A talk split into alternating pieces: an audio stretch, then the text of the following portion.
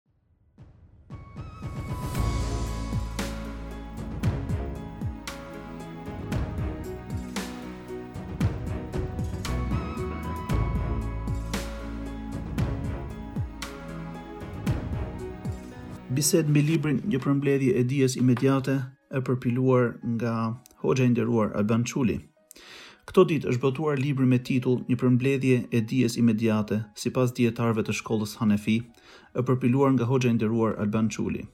Siç është njoftuar paraprakisht, qëllimi primar i këtij botimi është që të adresojë nevojat fetare të besimtarëve myslimanë shqiptarë në Zvicër e Gjermani, dhe vetëm në një fazë të mëtejshme, libri mendohet të shpërndahet edhe mes besimtarëve shqiptarë në Ballkan. Dy terma dhe nocione në titull shënojnë karakterin e këtij botimi, ai i dijes imediate dhe identifikimi me shkollën hanefi.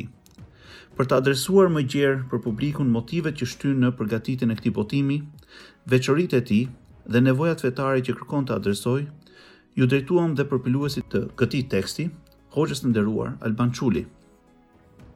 Faleminderit që pranuat ftesën për këtë bisedë dhe urime të përzemërta për këtë libër.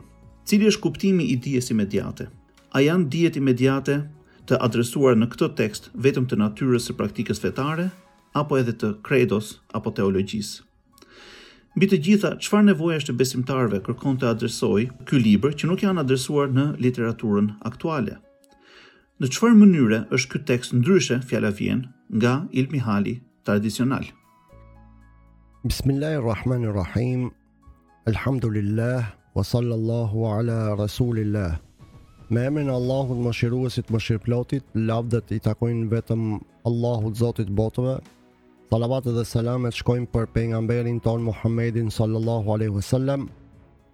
Më lejoni t'ju përgjigjem nisur nga fundi. Teksti i librit si përmbajtje dhe në vetvete është ajo që ne tradicionalisht e njohim si ilmi hal, sepse ilmi hal është togfjalësh ilm dhe hal, që do të thotë dija që i nevojitet në moment njeriut të përgjegjshëm. Kështu që libri, ashtu siç e kemi përpiluar të ngjeshur i përgjigjet nevojës së menjëhershme të çdo individi të përgjegjshëm el mukellef, i cili në atë moment dëshiron të praktikojë islamin, pa marrë parasysh se nga cila bashkësi vjen. Pra, i jepet çdokujt një informacion i plotë dhe i përshpejtuar që lidhet me përditshmërinë e besimtarit. Prandaj e kemi titulluar Përmbledhje e dijes imediate që është një copëz nga dija e domosdoshme fetare për të cilën askush nuk mund të justifikohet me injorancë. Bazuar në hadithin profetik, dija është farz për muslimanin apo për çdo musliman. Ashtu sikurse e kam shkruar edhe në parathënien e librit. Të dhënat apo informacioni që gjendet në libër nuk kanë një autor specifik për shkak se çështjet janë të domosdoshme për t'u ditur, që do të thotë se çdo musliman i di shumë mirë çështjet e përmendura në libër. Literatura aktuale pa dyshim që i përmbush nevojat e besimtarit. Për shembull, Ne kemi veprat fikhore të Jusuf Efendi Zimberit në Maqedoni apo të Nexhat Efendi Ibrahimit në Kosovë. Pa nënvlerësuar këtu edhe autorë të tjerë shqiptarë, por ajo që më ka ardhur si kërkesë është fokusimi tek përditshmëria, Dhe si i tillë libri përmban aspekte të ngjeshura të kredos dhe namazit, pra një farë manuali. Nuk kemi shkruar as për agjërimin e Ramazanit, as për zekatin dhe as për haxhin, të cilat edhe pse janë çështje të domosdoshme fetare, nuk praktikohen përditë për shkak të natyrës së tyre në raport me kohën përkatëse. Shtojmë këtu që libri sjell në mënyrë të përmbledhur normat morale dhe etike, ndalesat sheriatike dhe ajo që e bën veçantë librin në fakt dhe që literatura aktuale në shqip pothuajse nuk e adreson është apostazia apo e quajtur në terminologjinë islame er-ridde përmes të cilës informojmë shkurtimisht besimtarin të bëjë kujdes nga besime që nuk janë islame, ose vepra në kundërshti me islamin të nivelit përjashtues, ose fjalë të pakujdesshme që cenojnë shenjtërinë e muslimanit. Në parathënie të librit, thuhet se kjo përmbledhje e dijeve imediate është mbështetur në formulimet e shkollës Hanefi. e cila është shkolla tradicionale që kanë pasuar muslimanët shqiptarë dhe shkolla e dijetarëve të hershëm të kësaj tradite. Siç është e mirënjohur, në kohët moderne, autoriteti i shkollave tradicionale është sfiduar nga lëvizje reformatore, por edhe nga ndryshime të thella në vlerat sociale të shoqërive muslimane globalisht. Kjo ka sjellë edhe ndër besimtarët shqiptarë zbehjen e diku edhe abandonimin e kësaj marrëdhënie historike me shkollën hanefi. A mundet të shërbejë argumenti historik i hanefizmit të shqiptarëve muslimanë si i vetmi argument për të këmbgulur në vazhdimësinë e kësaj tradite? A ekziston një maxhoritet i qartë i besimtarëve shqiptarë që vazhdojnë pasimin e kësaj tradite? A ka sipas mendimit tuaj nevojë për një artikulim të ri të kësaj tradite të bazuar tek autoriteti i medhhebeve tradicionale që adreson edhe sfidën antimedhhebiste? Së pari, përmbledhja mund të kishte ardhur edhe sipas shkollës Shafi. Shkollë kjo që e njoh më mirë se shkollën Hanefi, po kur vijmë dhe i adresohemi nevojave imediate të muslimanëve shqiptarë, duhet të kemi parasysh kontekstin shoqëror dhe unë kam bindjen se me të gjitha përpjekjet për ta dehanefizuar muslimanin shqiptar në emër të çfarëdo lloj ideologjie, shkolla e Ebu Hanifes mbetet të jetë dominante në praktikën fetare të shumicës drastike të muslimanëve shqiptarë kudo që janë. Në dukje dhe për shkak të propagandës, antimedhhebizmi ndër shqiptarë u paraqit si reformim dhe qasje e muslimanit modern në fundshekullin e kaluar duke përdorur edhe figura si Nasruddin al-Albani për të tërhequr patriotikisht shqiptarët dhe deri diku i arritën të konsolidohen si një grupim selefist, por me grupacione të brendshme. Kjo lloj qasje funksionoi deri në një moment të caktuar në Shqipëri, për shkak se në atë kohë ishte boshllëku që la pas komunizmi, ku hoxhallarët numëroheshin me gishtat e dorës dhe nuk kishin atë fuqi intelektuale për të përballuar një propagandë që financohej nga organizata të ashtuquajtura humanitare. Ndryshe ndodhi në Kosovë dhe Maqedoni, sidomos në Maqedoni shqiptarët në masë të madhe edhe sot vazhdojnë t'u qëndrojnë me fanatizëm mësimeve të hoxhallarëve Hanefi, duke mos harruar këtu ndikimin mbarëshqiptar që kishte edhe Mulla Jakup Hasipi. Allahu e mëshiroftë që ishte halë në sy në grykën e selefistëve. Dhe ndryshe nga Maqedonia, shqiptarët e Kosovës vinin nga paslufta, E megjithatë, Shqipëria mbetet kampioni propagandistik derisa vijmë në një moment që faktorë të ndryshëm bënë që kjo propagandë dhe kjo ideologji të fillojë zbehjen e saj. Kjo erdhi si pasojë e shkollimit të hoxhallarëve të rinj, kryesisht ata të Shamit në Siri dhe Ezheri Sherifit në Egjipt. Duhet të themi se një nga faktorët është edhe hapja e informacionit përmes internetit ku çdokush ka akses Dhe është e nevojshme të përmendim këtu edhe përplasjet mes grupacioneve të grupimit selefist, ku sipas tyre medhhebi apo orientimi musliman në një medhheb është domosdoshmëri shoqërore muslimane, e megjithatë, megjithatë ftojnë që mos ketë fanatizëm në medhheb. Tani kjo pjesa e fanatizmit merr një diskutim dhe spekulohet Deri aty sa shpeshherë të bën të mendosh se nuk ka ndryshuar asgjë përpos metodologjisë së propagandës. Megjithatë, ajo që vlen për t'u thënë është se gjendja e sotshme nuk i ngjan asaj të para 20 viteve, ku muslimanët shqiptarë tashmë janë ndërgjegjësuar dhe informuar sa rastis që vënë në siklet edhe vetë hoxhallarët. Argumenti historik që përmendët i vazhdimësisë së hanefizmit ndër shqiptarë në gjykimin tim është argumenti institucional i muslimanëve shqiptarë. Institucioni ose institucionet apo bashkësitë muslimane, konkretisht KMSH, BIK dhe BFI kanë rregulla të përcaktuara për mbarëvajtjen e jetës fetare të muslimanëve dhe çdo i punësuar si prijës fetar duhet t'i përmbahet atyre rregullave.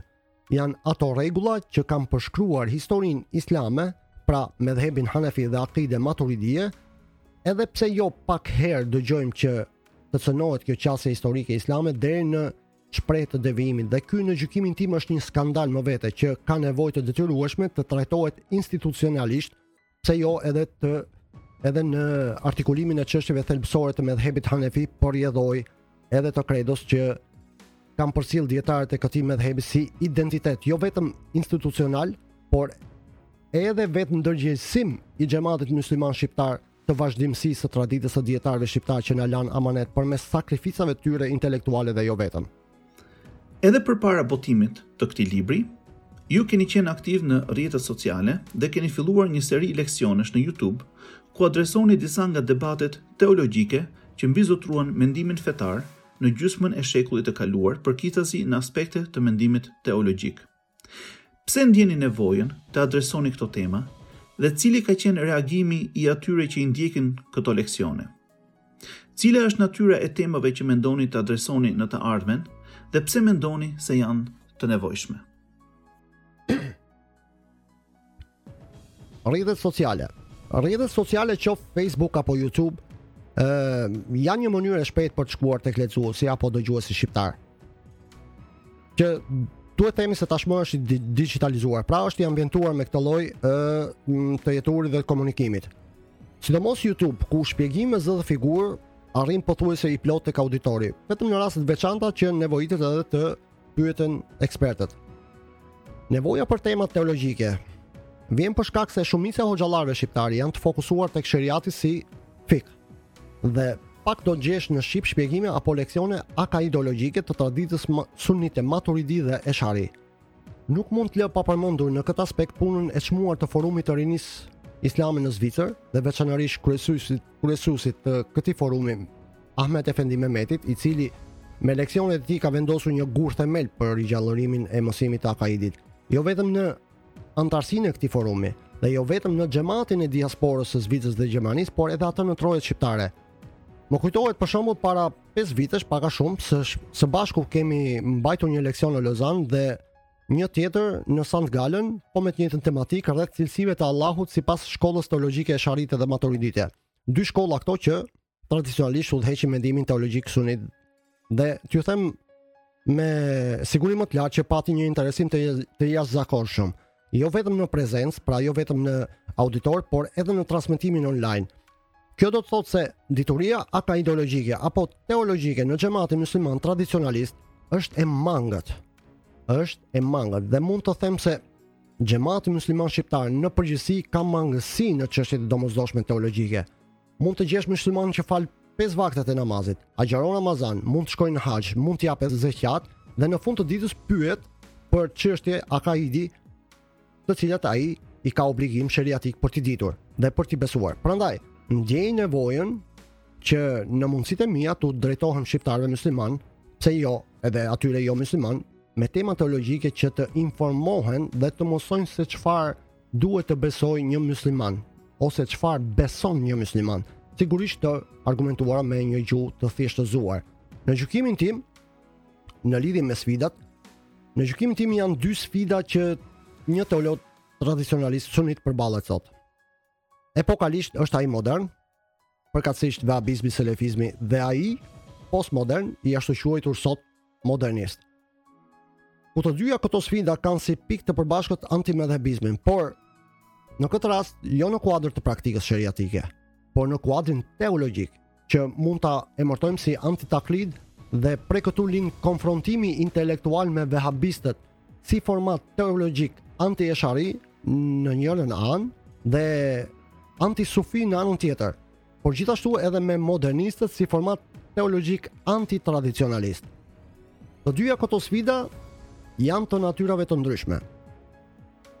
Ndërkohë që Vehabistët selefistë mund të pajtohesh me ta në referenca me modernistët është e nevojshme njohja e kelamit, është e nevojshme njohja e filozofisë, e shkencës dhe tjera. Në fund të fundit është xhemati ai që vlerëson vlefshmërinë e doktrinës dhe kjo e bën xhematin të mësojë e të mbrohet nga cytjet e natyrave teologjike. Në gjykimin tim çdokush që ka njohje teologjike e ka për detyrë të përballet me këto sfida. Sepse duam apo s'duam. Ti mund të dëshirosh t'i shmangesh sfidave, por janë sfidat që nuk të shmangin ty. Ë për të ardhmen e shpejtë do të vazhdojmë me trajtimin e temës së kaderit në raport me vullnetin e lirë ose atë që quhet free will.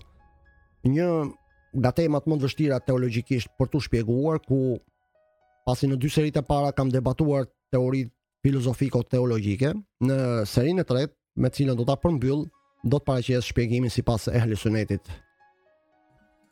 Muslimanët tradicionalistë, ata që pasojnë një nga shkollat teologjike dominante paramoderne, si esharizmi dhe maturidizmi, një nga katër medhhebet, apo edhe një nga shkollat e pranuara të sufizmit suni, flasin shpesh për dakordësinë e pranimit të diferencave midis këtyre shkollave të traditës.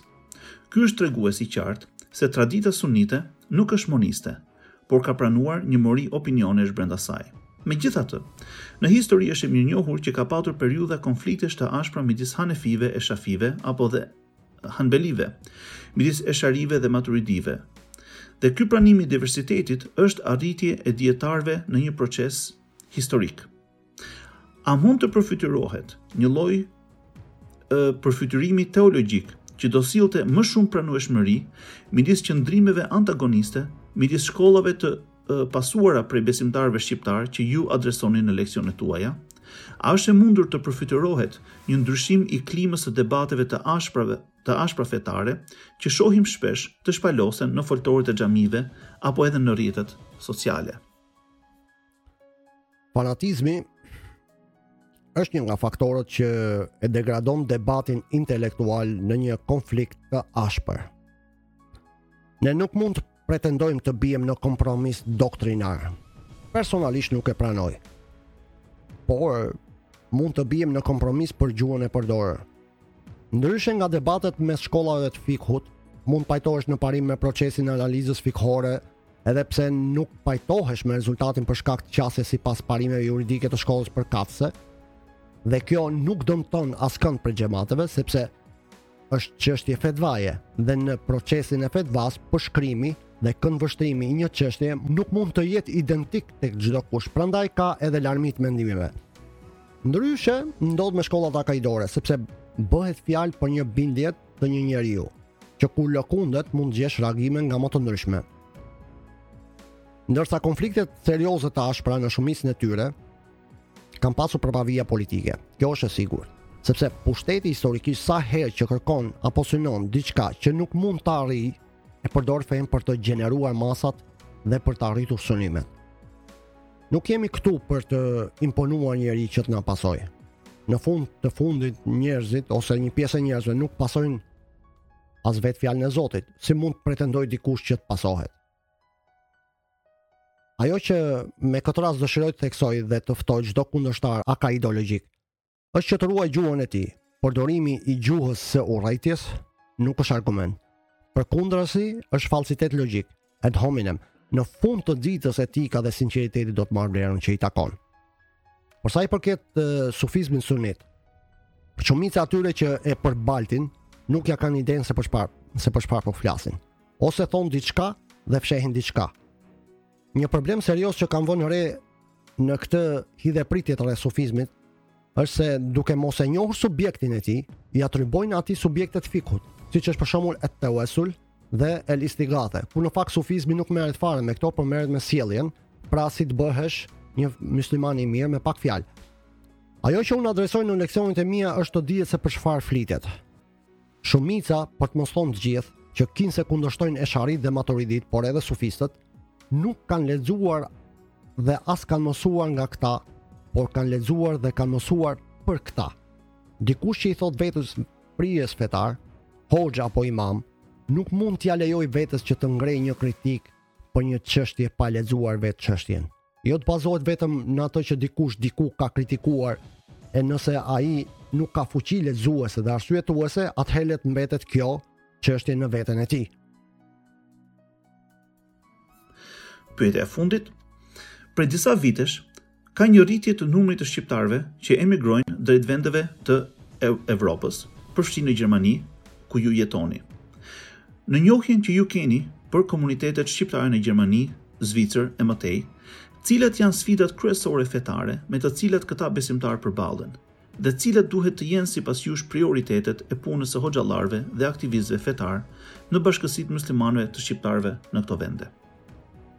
Për mendimin tim sfida kryesore fetare me të cilat komuniteti shqiptar musliman përballet është bashkëjetesa me multikulturalizmin që kanë këto dy vende. Është vërtet sfidë të shfaqesh musliman. Jo në kuptimin e drojës apo frikës së vetëdeklarimit, por në kuptimin e sjelljes dhe marrëdhënies. Është sfidë e çdo muslimani në fakt që të sillet si musliman. Të sjellurit musliman në një ambient multikultural i bën mirë jo vetëm bartjes së identitetit musliman, por edhe bartjes së identitetit shqiptar. Allahu xhele shanuhu në Kurani Kerim, në suretul Ankebut, thotë, Lexo se çfarë t'u shpall nga libri dhe fal namaz, S'ka dyshim se namazi ndalon nga gjërat e shëmtuara dhe të neveritshme. Dhe ne duhet të vijmë për ta kuptuar këtë ajet nga fundi. Do të kuptojmë se ndalesa nga gjërat e shëmtuara dhe të neveritura në fakt vjen si rezultat i leximit të shpalljes hyjnore, që do të thotë të kuptuarit e shpalljes hyjnore, ndërsa namazi është mjeti aktiv që ndërlidh ftesën e Allahut me të kuptuarit. Kjo duke iu referuar gjithashtu se çfarë thotë i Madhërishmi në suretun Nahl. Allahu urdhëron për drejtësi, bamirësi dhe ndihmë të të afërmve dhe ndalon nga gjërat e shëmtuara të neveritshme dhe dhunës. Ju nxit që ju çdo herë të kujtoheni për këto. Prioriteti i hoxhallarëve jo vetëm në Zvicër dhe Gjermani, por kudo që ndodhet diaspora shqiptare është fokusimi i edukimit të brezit të ri. Jo vetëm në aspektin fetar, por edhe atë patriotik. Pas kësaj, dhe tërheq vëmendje me modesti, nevojitet që Hutbet dhe ligjëratat të jenë frymëzuese dhe motivuese për të gjeneruar energji pozitive tek xhamati. Prandaj për ta mbyllur edhe këtë diskurs duke dashur që të mirëkuptohem nga lexuesi dhe dëgjuesi juaj, ju faleminderit dhe juve për konsideratën dhe respektin që treguat me anë të ftesës për një bisedë kaq vëllazore. Ju uroj